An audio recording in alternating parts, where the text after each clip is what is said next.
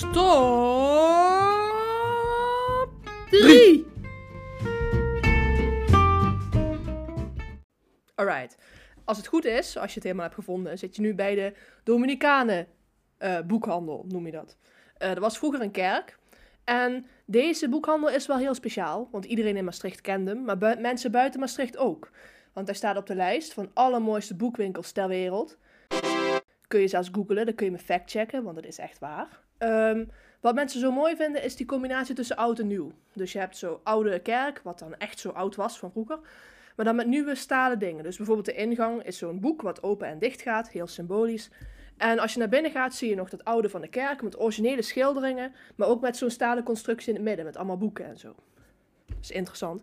Maar wat nog veel interessanter is, is de sectie kunstboeken. Uh, Sexy kunstboeken. die ze achterin hebben, rechts. Dat is eigenlijk best wel veel. In verhouding tot andere boekhandels gewoon veel meer. Dus hele vette dingen. En wat ze ook hebben is muziekplaten, uh, muziekboeken. Alles wat jij als cultuurpersoontje nodig hebt voor de rest van je leven kun je hier vinden. Ja, en koffie. Precies. Als je een toerist bent kun je hier ook koffie drinken. Ja. En als je geld hebt. Doei.